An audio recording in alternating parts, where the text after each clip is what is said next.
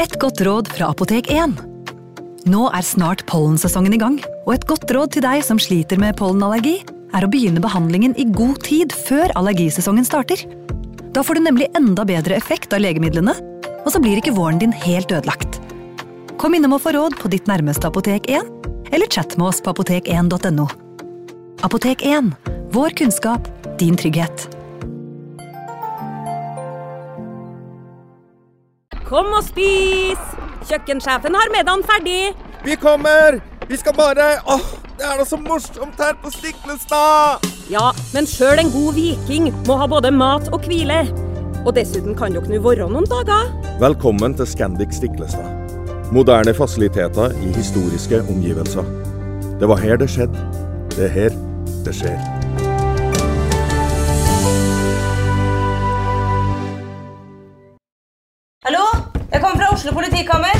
Ine Jansen er purk. Er du purk? The motherfucking bitch. Alt jeg vil, er å finne ut hva som skjedde med mannen min. Jon Carew. Er jeg sikta for noe? Iben Akeli. Det er du. Ole So, Lars Berrum og Big Daddy Karsten. Hvem sin side er du på, egentlig? Anette Hoff, Tone Danielsen, Kommer du fra Afrika? Jørnis Josef, Nesten kløfta. Trond Espen Seim, Det er synd å si det, men det var feil mann som døde. Purk. Premiere tirsdag på TV2 Play. Advarsel. Historien du nå skal få høre, er basert på virkelige hendelser og inneholder flere grafiske skildringer av vold, drap og tortur. Vi advarer mot sterke inntrykk i deler av episoden.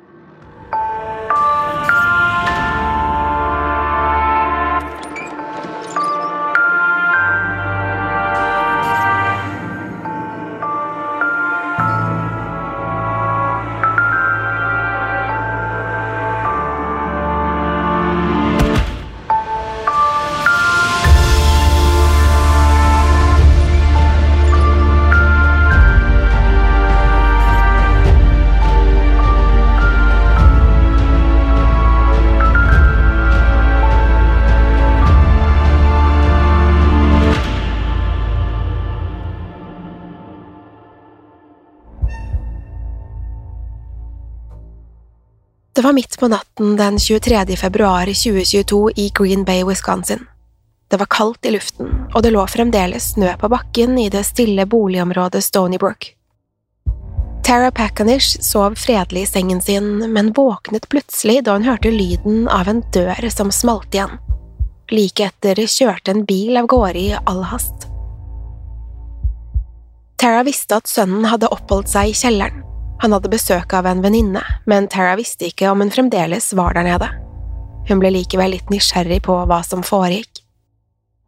Dersom sønnen hadde bestemt seg for å dra, var det ingen grunn til å smelle med dørene, og hvorfor skulle han forlate huset midt på natten? Tara gikk på toalettet. Hun hadde tenkt til å legge seg igjen, men oppdaget snart at lyset fremdeles sto på i underetasjen. Hun gikk ned trappen, men så verken sønnen Shad eller venninnen hans. Tara hadde ikke lyst til å forstyrre sønnen dersom han fremdeles hadde besøk, men døren ned til kjelleren sto på vidt gap, og lyset var på. Tara kunne ikke høre noen lyder der nede, så hun bestemte seg for å snike seg ned og sjekke at alt var i orden.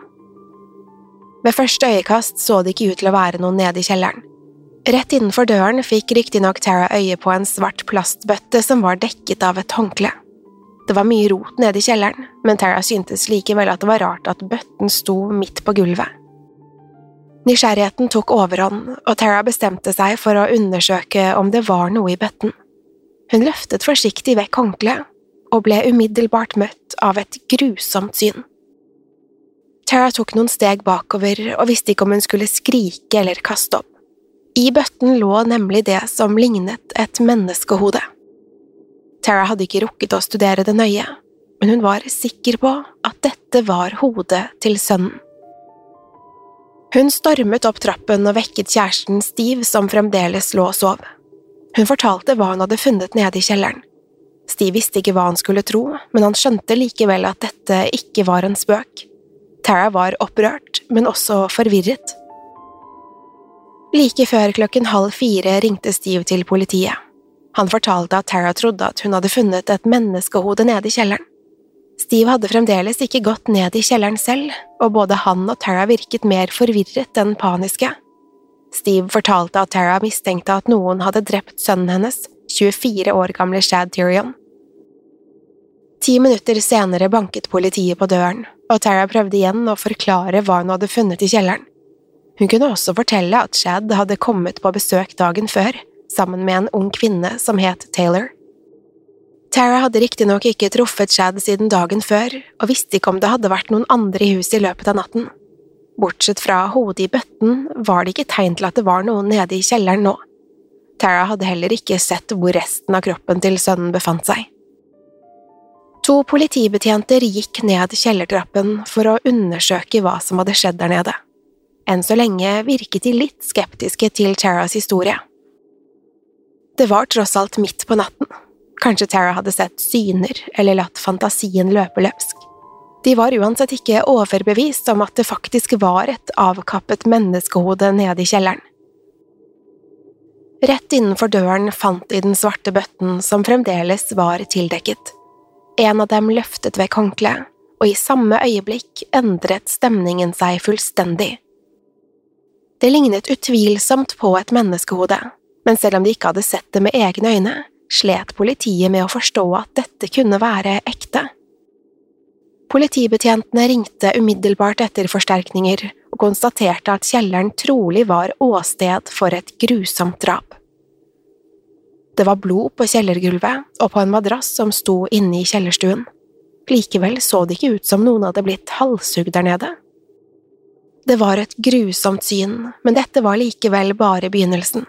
Så snart etterforskerne ankom åstedet, skulle de avdekke en rekke groteske detaljer. Da de løftet ut hodet og undersøkte bøtten, fant de også en amputert penis og to kjøkkenkniver. Knivene var tilsynelatende brukt til å halshugge skjedd og var nesten slitt ned til skaftet. Det ble oppdaget flere kroppsdeler gjemt unna i sekker, pappesker og bager nede i kjelleren. I en av disse bagene fant etterforskerne Shads overkropp sammen med innvoller, organer og flere kniver. Shad hadde ikke bare blitt halshugget, liket var partert, og han hadde blitt sløyet fra bryst til mage.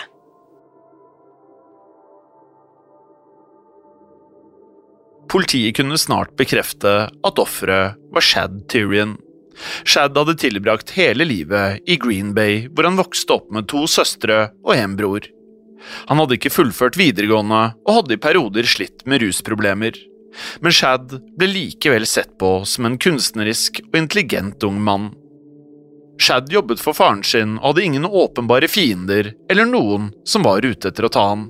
Så hvorfor hadde noen drept Shad på en så umenneskelig og også sadistisk måte? Tara trodde ikke at det var noen andre enn Shad og Taylor som hadde vært nede i kjelleren. Tara hadde våknet av at noen smalt igjen døren og hadde forlatt huset. Hun mistenkte derfor at Taylor hadde drept Shad. Politiet bestemte seg for å spore opp Taylor og finne ut hva hun visste. Da de kom til Taylor sin leilighet, så de at bilen hennes var parkert utenfor, og i snøen så oppdaget de fort et blodspor som ledet helt bort til inngangsdøren. Dette var naturligvis med på å øke mistanken mot Taylor. Politiet forberedte seg nå på å ta seg inn i leiligheten, men før de rakk å banke på, så kom Taylor ut av døren for å møte dem. Hun virket overrasket over at politiet ønsket å prate med henne, men politibetjentene la merke til at Taylor hadde blod på genseren, på buksen og på hendene. Taylor ble derfor lagt i jern og fraktet til politistasjonen. Var det virkelig denne unge kvinnen som hadde drept og partert Shad? Politiet ønsket nå å finne ut av hvem hun egentlig var, og om hun var i stand til å drepe et annet menneske. Taylor Coronado ble født den 23. november 1997 i Green Bay i Wisconsin. Hun hadde gått på samme skole som Shad, og de hadde alltid likt hverandre godt. Taylor hadde riktignok hatt en vanskelig oppvekst. Moren døde da Taylor kun var tolv år gammel, og hun ble angivelig seksuelt misbrukt av sin egen far. Faren skulle senere i livet bli dømt til fengsel for overgrep på et barn. Taylor endte til slutt opp med å flytte til besteforeldrene i Texas uten at dette gjorde situasjonen bedre. Gjennom hele oppveksten hadde Taylor slitt med alvorlige psykiske lidelser, og hun prøvde etter hvert å dempe disse plagene ved å ruse seg. Taylor begynte derfor å misbruke metamfetamin, og problemene i livet hennes ble stadig verre. I 2022 hadde Taylor flyttet tilbake til Green Bay. Hun hadde ingen fast jobb, men hun lagde drømmefangere som hun solgte på internett. Taylor fortsatte å ruse seg, noe som medførte at hun stadig havnet i trøbbel. Taylor var allerede etterlyst da politiet arresterte henne for drapet på Shad. Taylor var nemlig ute på prøveløslatelse for en helt annen forbrytelse. Hun måtte derfor ha på seg en elektronisk fotlenke, slik at hun til enhver tid kunne overvåkes. Taylor hadde blitt så lei fotlenken at hun til slutt hadde klippet den av. Dette var et åpenbart brudd på prøveløslatelsen, og derfor så utlyste politiet nå en arrestordre. Taylor var kjent som en eksentrisk og til tider ustabil person. Hun hadde også en helt spesiell fascinasjon for seriemordere og hun delte flere bilder på sosiale medier der hun poserte med fotografier av heltene sine. Den største av dem alle var Jeffrey Dahmer. Jeffrey Dahmer var i likhet med Taylor fra Wisconsin, og Taylor følte derfor en helt spesiell tilknytning til Dahmer. Hun innrømmet senere at hun ofte fantaserte om at de var kjærester.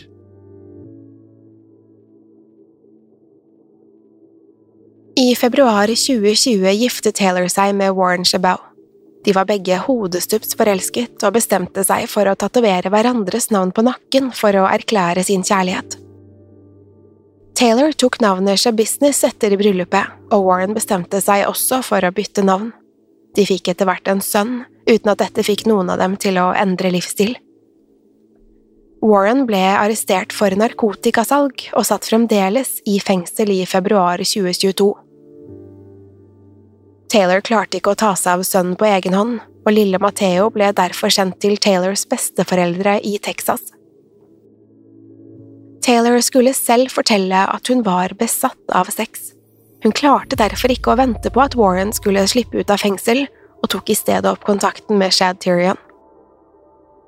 Taylor hevdet at hun og Warren hadde et åpent forhold, og at han forsto at hun hadde visse behov. Snart begynte hun å treffe Shad jevnlig. De ruset seg på alt de fikk tak i, og utforsket seksuelle fantasier. Da Taylor ble fraktet til politistasjonen, var det ingen som visste akkurat hva de kunne forvente seg. Alt tydet på at Taylor var involvert i drapet. Hun hadde størknet blod på klærne, og etterforskerne la også merke til at hun hadde mange små kutt på hendene og armene. Ingen var likevel forberedt på det som skulle skje da Taylor entret avhørsrommet. Hun satte seg ned og begynte snart å fortelle hva som hadde skjedd nede i kjelleren. Taylor fortalte umiddelbart at det hadde svartnet for henne, men hun nektet likevel for at hun hadde drept Chad. Hun antydet at hun ikke husket hva som hadde skjedd, men Taylor kunne likevel dele en rekke grusomme detaljer. Politiet lette fremdeles etter resten av kroppen til Shad, noe som tilsynelatende gjorde Taylor begeistret. Hun fortalte at levningene fremdeles var nede i kjelleren, men at hun ikke hadde gjort det enkelt for etterforskerne. Taylor avslørte etter hvert at hun hadde tatt med seg noen av kroppsdelene, og fortalte at de fremdeles var i bagasjerommet på bilen hennes. Her skulle etterforskerne snart finne et bein, noen innvoller samt andre kroppsdeler hun hadde skåret av. Taylor så ikke ut til å angre på selve drapet, men hun var frustrert over at hun ikke hadde tatt med seg bøtten med Shads hode. Hun fortalte at hun likte hodet hans og ønsket å beholde det. Det hadde riktignok ikke vært nok å hugge av Shads hode. Taylor hadde gått svært grundig til verks da hun parterte liket. Etterforskerne var rystet av det groteske drapet og lette fremdeles etter et motiv. De følte at det måtte være en grunn til at Taylor plutselig hadde bestemt seg for å drepe vennen sin. Men Taylor fortalte at hun ikke hadde planlagt å drepe Shad. Hun hadde faktisk blitt overrasket selv da hun innså at hun var i ferd med å ta livet av han. Taylor virket fremdeles ikke preget av situasjonen. Hun skulle riktignok konstatere, med en rolig og uanfektet stemme, at det hadde vært en merkelig kveld. Det ble etter hvert åpenbart at Taylor husket mer av hva som hadde skjedd, og hun begynte å fortelle hva som hadde ledet til drapet.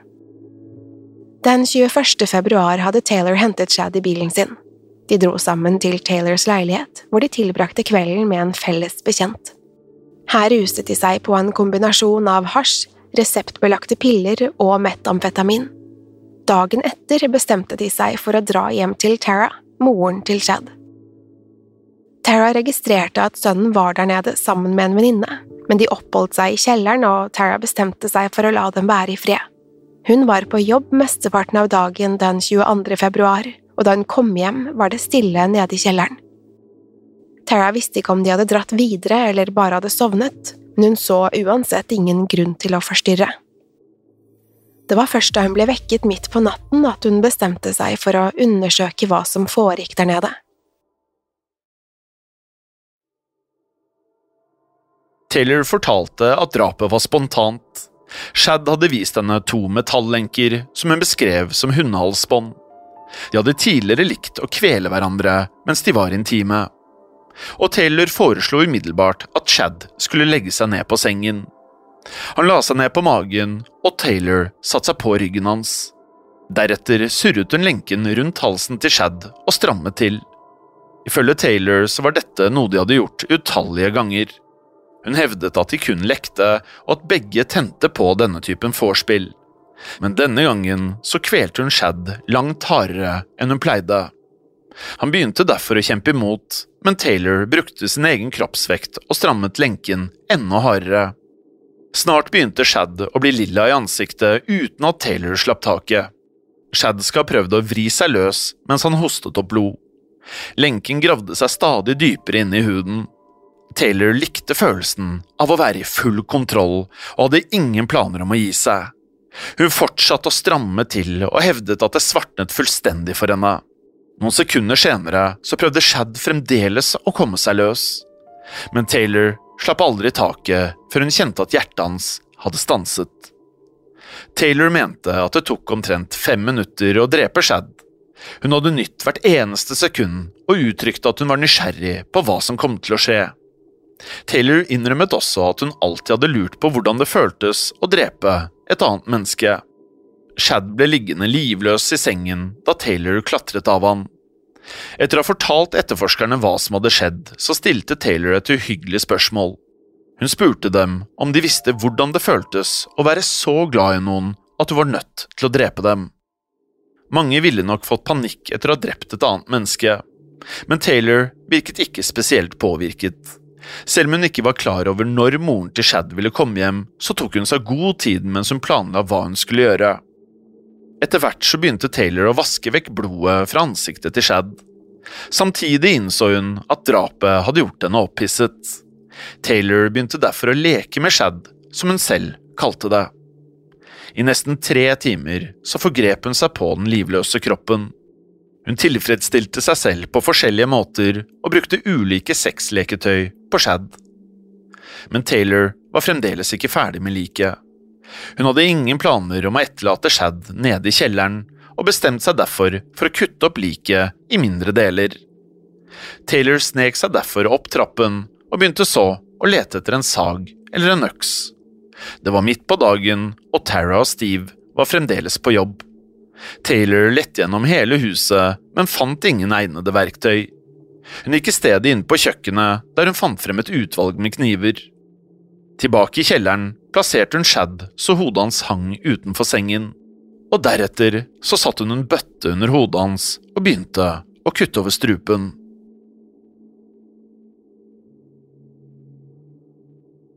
Det var en krevende jobb å skjære gjennom stener, kjøtt og bein, men Taylor ga seg ikke.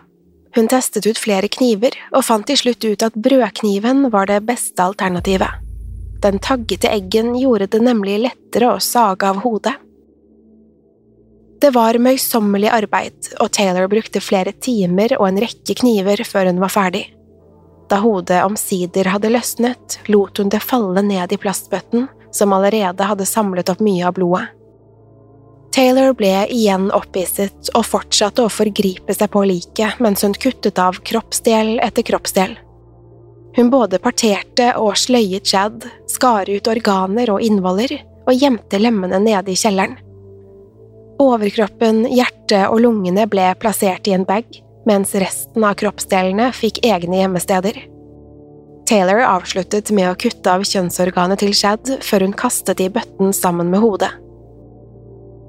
Taylor tømte ut blodet i dusjen, men det var fremdeles rester av blod på madrassen og gulvet. Etterforskerne bemerket seg likevel at det var overraskende lite blod, med tanke på at hun hadde partert, halshugget og sløyet liket. I tillegg til bøtten hadde Taylor angivelig brukt en bag og flere poser til å samle mye av blodet. Det er uvisst om Taylor først og fremst prøvde å skjule bevis eller planla å komme tilbake for å hente resten av levningene. Hun etterlot mesteparten av liket nede i kjelleren, men politiet skulle finne et av Shads amputerte ben i bilen hennes. Taylor hadde et stort smil om munnen da hun ga uttrykk for at politiet ville slite med å finne alle levningene etter Shad. Hun omtalte det nesten som et makabert puslespill som etterforskerne nå måtte sette sammen. Behandlingen av liket ble av rettsmedisineren beskrevet som uvanlig sadistisk og grotesk.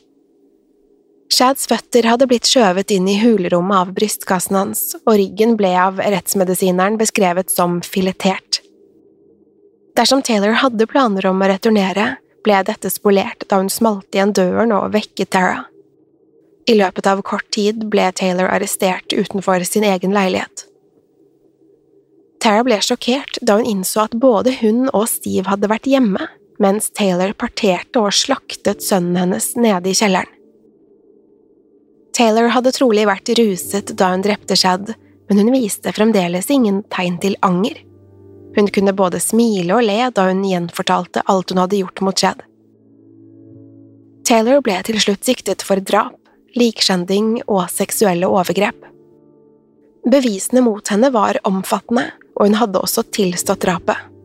Taylor skulle likevel erklære seg ikke skyldig i forkant av rettssaken. Det store spørsmålet var nå om Taylor var tilregnelig i gjerningsøyeblikket.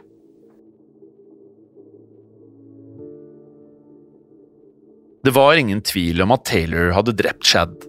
Likevel var ekspertene uenige om hun kunne stilles for retten.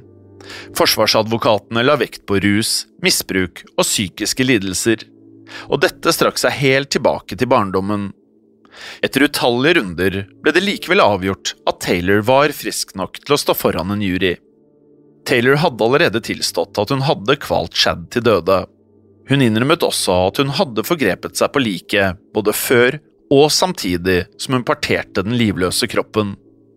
Advokaten hennes fremstilte dette som en slags psykose.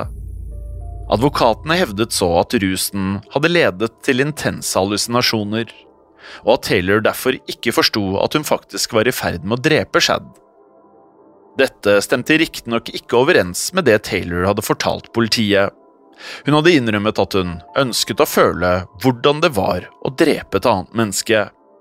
Hun hadde likt å studere Shad mens han hostet opp blod og kjempet for livet.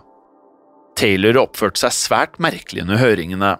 Hun både flirte og lo av de mange groteske detaljene. Hvis hun mistet interessen, kunne hun sovne i stolen.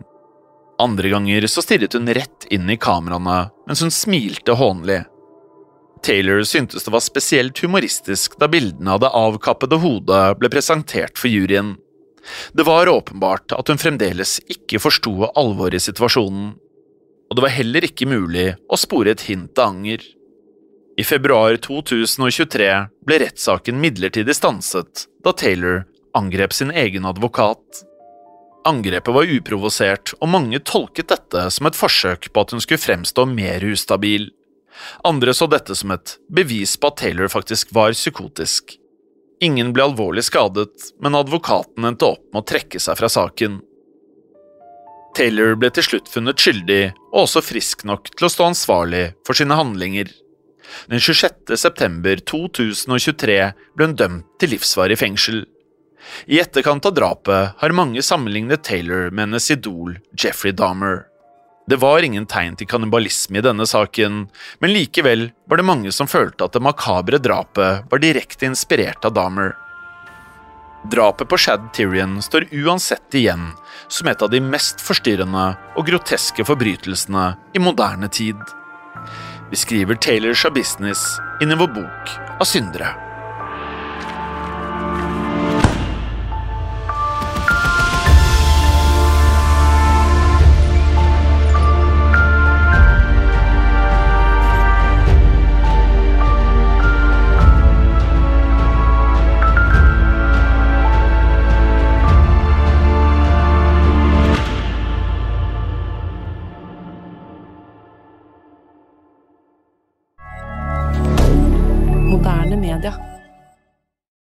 Har du et enkeltpersonforetak eller en liten bedrift? Da er du sikkert lei av å høre meg snakke om hvor enkelt det er med kvitteringer og bilag i fiken, så vi eh, gir oss her, vi. Fordi vi liker enkelt. Fiken superenkelt regnskap. Kiwi er billigst i VGs matbørs og har vært billigst i fire av de fem siste VGs matbørser. Og nå presser vi prisene på frukt og grønnsaker. På 200 gram broccolini setter vi prisen til 24,90. På 400 gram Cevita blåbær setter vi prisen til 49,90. Og husk, alle Kiwi Pluss-kunder får i tillegg 15% trumfbonus på all fersk frukt og grønt. For det er vi som er prispresserne. Og vi i Kiwi gir oss aldri på pris.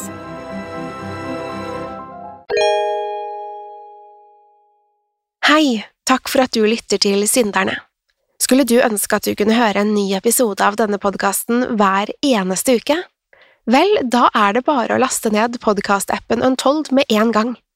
I tillegg til ukentlige episoder av podkaster som Skrekkpodden, Truecrimepodden og Henrettelsespodden får du masse annet reklamefritt og eksklusivt innhold.